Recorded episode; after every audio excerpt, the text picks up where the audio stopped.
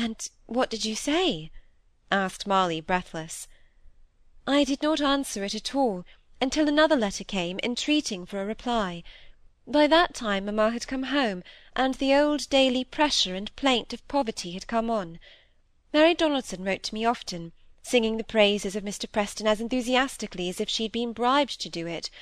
I had seen him a very popular man in their set, and I liked him well enough, and felt grateful to him. So I wrote and gave him my promise to marry him when I was twenty, but it was to be a secret till then. And I tried to forget I had ever borrowed money of him, but somehow as soon as I felt pledged to him I began to hate him. I couldn't endure his eagerness of greeting if he ever found me alone, and mamma began to suspect, I think. I cannot tell you all the ins and outs. In fact, I didn't understand them at the time, and I don't remember clearly how it all happened now. But I know that Lady Cuxhaven sent mamma some money to be applied to my education, as she called it, and mamma seemed very much put out and in very low spirits, and she and I didn't get on at all together. So, of course, I never ventured to name the hateful twenty pounds to her, but went on trying to think that if I was to marry Mr. Preston, it need never be paid.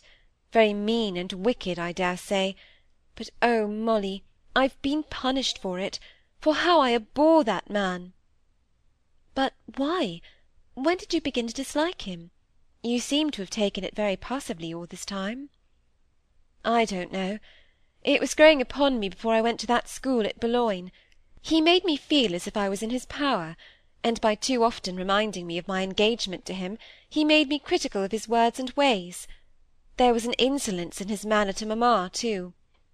Oh, you're thinking that I'm not too respectful a daughter, and perhaps not, but I couldn't bear his covert sneers at her faults, and I hated his way of showing what he called his love for me.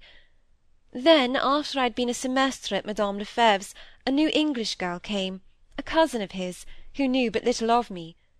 Now, Molly, you must forget as soon as I've told you what I'm going to say. And she used to talk so much and perpetually about her cousin Robert. He was the great man of the family, evidently, and how he was so handsome, and every lady of the land in love with him, a lady of title into the bargain.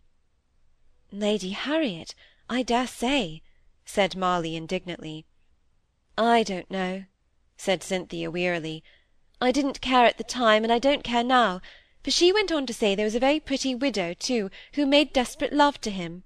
He had often laughed with them at all her little advances, which she thought he didn't see through.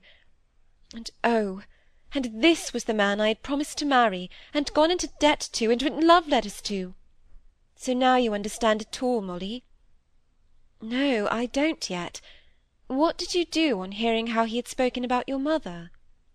There was but one thing to do. I wrote and told him I hated him, and would never, never marry him, and would pay him back his money, and the interest on it as soon as ever I could. Well?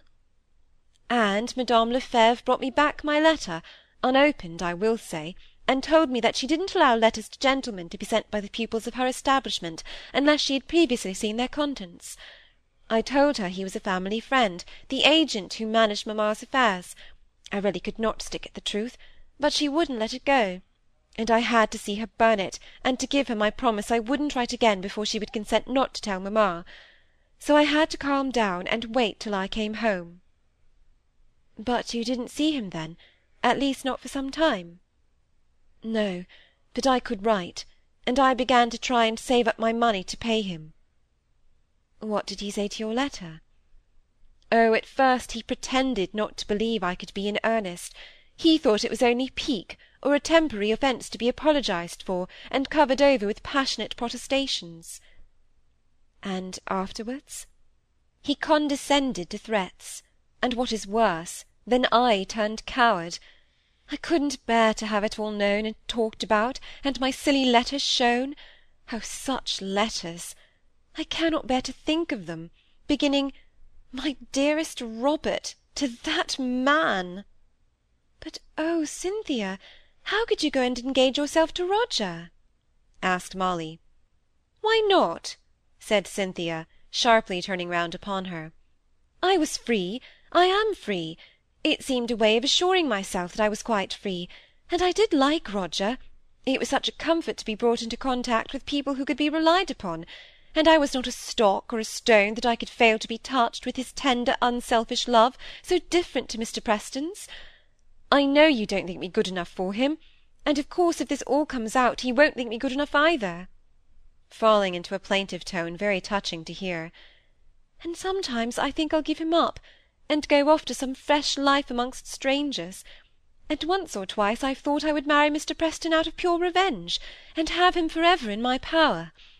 Only I think I should have the worst of it, for he is very cruel in his soul, tigerish, with his beautiful striped skin and relentless heart.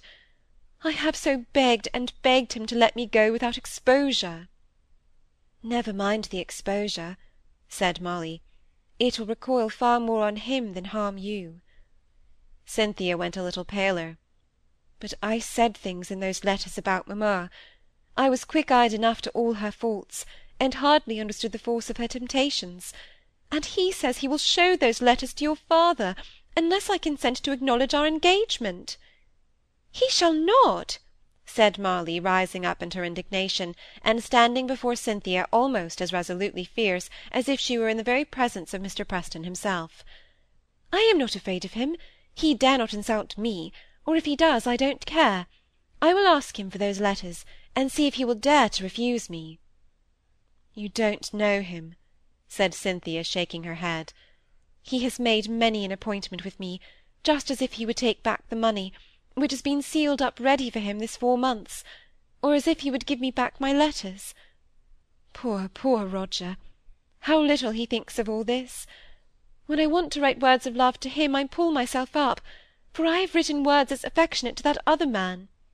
And if Mr. Preston ever guessed that Roger and I were engaged, he would manage to be revenged on both him and me by giving us as much pain as he could with those unlucky letters, written when I was not sixteen, Molly, only seven of them. They are like a mine under my feet, which may blow up any day, and down will come father and mother and all. She ended bitterly enough, though her words were so light. How can I get them? said Molly, thinking. Forget them I will. With papa to back me, he dare not refuse. Ah, but that's just the thing. He knows I'm afraid of your father's hearing of it all, more than of any one else. And yet he thinks he loves you.